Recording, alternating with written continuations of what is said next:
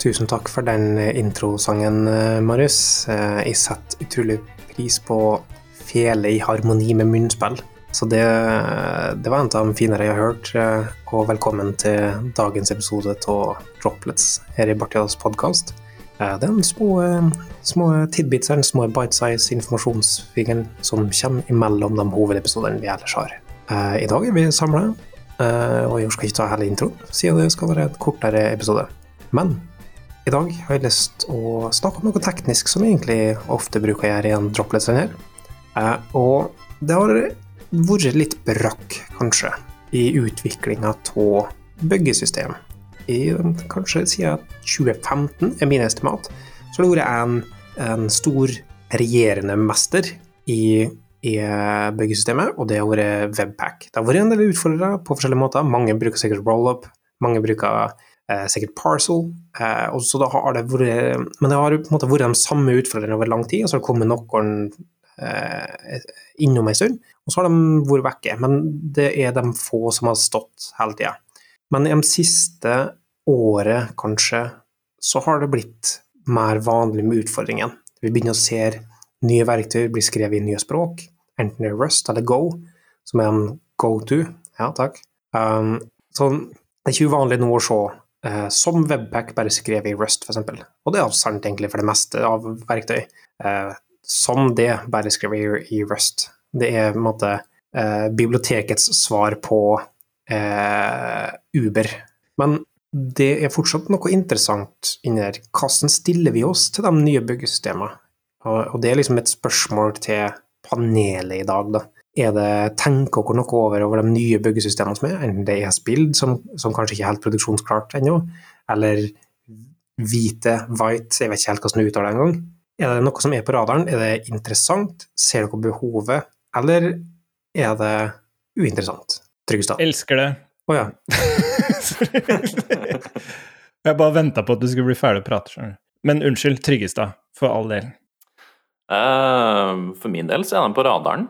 Um, har ikke fått brukt dem så veldig masse enda, fordi ja, bruker man Create Rack-tap eller NextJS eller noe sånt, så er det ikke så lett å få bytta ut uh, byggesystemet, altså Webpack som ligger i bånn der, da, med en av de kule, nye utfordrerne. Men uh, jeg må si at det tiltaler meg veldig med, med både egentlig Whites, eller ja, White, sier jeg Byte sin modell, eh, men også ES-bild, som kan speede opp egentlig TypeScript-transpileringa rimelig masse. Ja, men for det gir vel egentlig mening å snakke om ulike nivåer da, for sånn som White de bruker vel ES-bild og rollup under seg. Så det er en mer opinionated sammensying av byggesystem som gjør at det kan være raskere, og så gjerne et par andre grep for å gjøre ting raskt.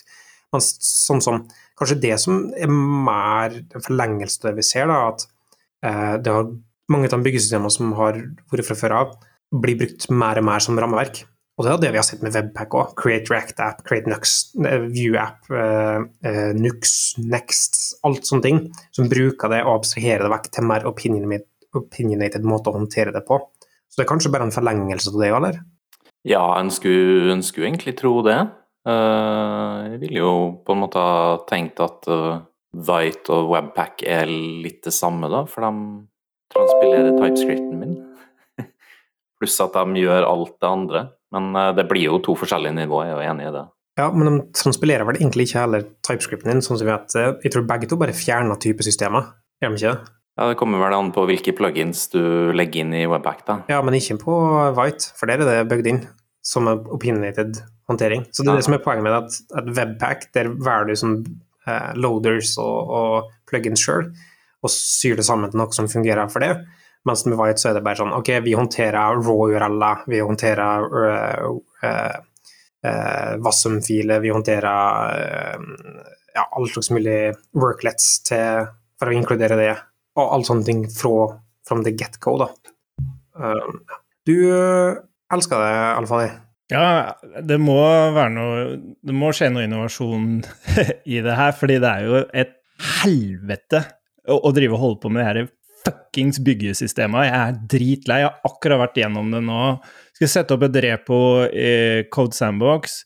og ha forskjellige pakker som, som jobber sammen. Bruke Yarn Workspaces, starte med ren TypeScript. Eh, får ikke disse tinga til å bygge eh, Eller outputen blir ikke det jeg vil, fordi den skjønner ikke eh, hvordan disse pakkene er linka. Så outputen blir liksom ikke pakka, det blir mapper av de forskjellige pakkene, inkludert den pakka jeg er i, og så prøver jeg roll-up. Og så får fader ikke roll-up til å funke heller, for enten så funker typinga på importen, eller så eh, funker selve transpileringen, eller runtimen blir sånn som den skal være. Og du må ha plugins i huet og ræva og får det ikke til å funke. Um, jeg må bli ferdig, Mikael. og, så, og, så, hiver jeg over på Webpack og, og får det her til å, å spinne, da. Så, men jeg, jeg tenker det er én ting. Det er kompleksitet i pakker og monorepos og, og biblioteker og sånn. Ja, og TypeScript, ikke minst. Så blir det komplisert, ja. Ja, ja, ikke minst. Ja, TypeScript gjør det veldig komplisert. Um, men da er Webpack der en, en, en, redning, da.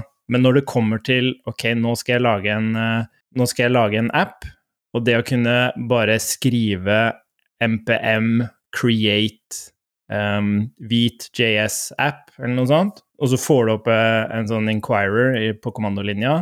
Ok, jeg vil lage React med TypeScript. Boom!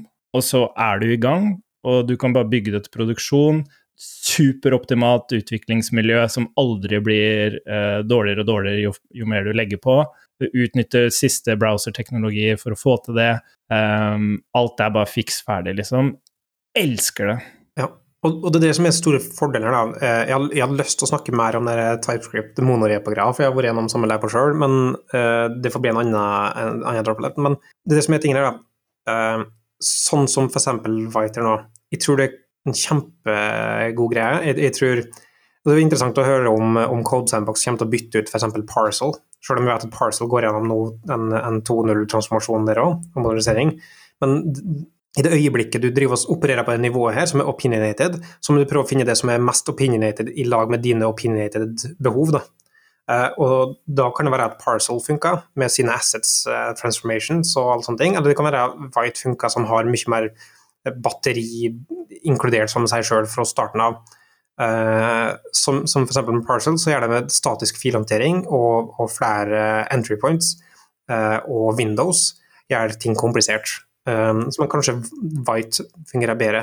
men, så det funker når du skal sette opp, da. Men hva skjer om du finner ut at det ikke funker i ting som du har brukt opinionated på lenge? Så er kostnaden større, det er mer lock-in i det systemet enn det ville vært å brukt Webpack, f.eks.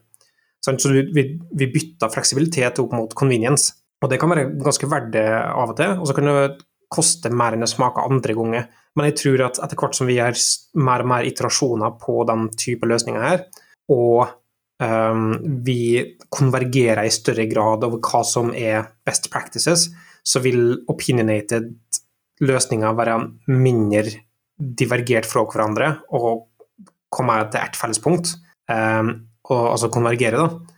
Uh, og da vil det være mindre sjanse for uh, risikoer med den typen lock-in, kanskje, da, tenker jeg. Så det finnes, det finnes, store bruksområder for det, og det er artig å se at det kommer flere sånne uh, opinionated verktøy, da, tenker jeg. Marius?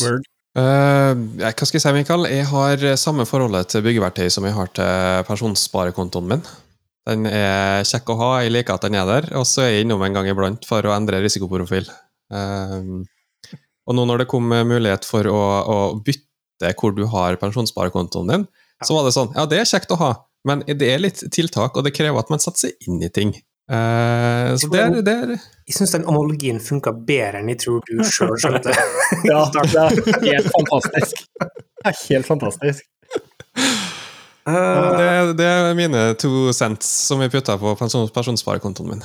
Ja. Det er den mest intelligente vitsen vi har hatt på denne podkasten her så lenge. Det er helt fantastisk. Eh, og jeg tenker at det er en fin note å avslutte på. Eh, men eh, helt før vi avslutter, så vil jeg gjerne høre en motiverende setning fra Tryggestad. Uh, på sparket? Ja. Hmm. Go code.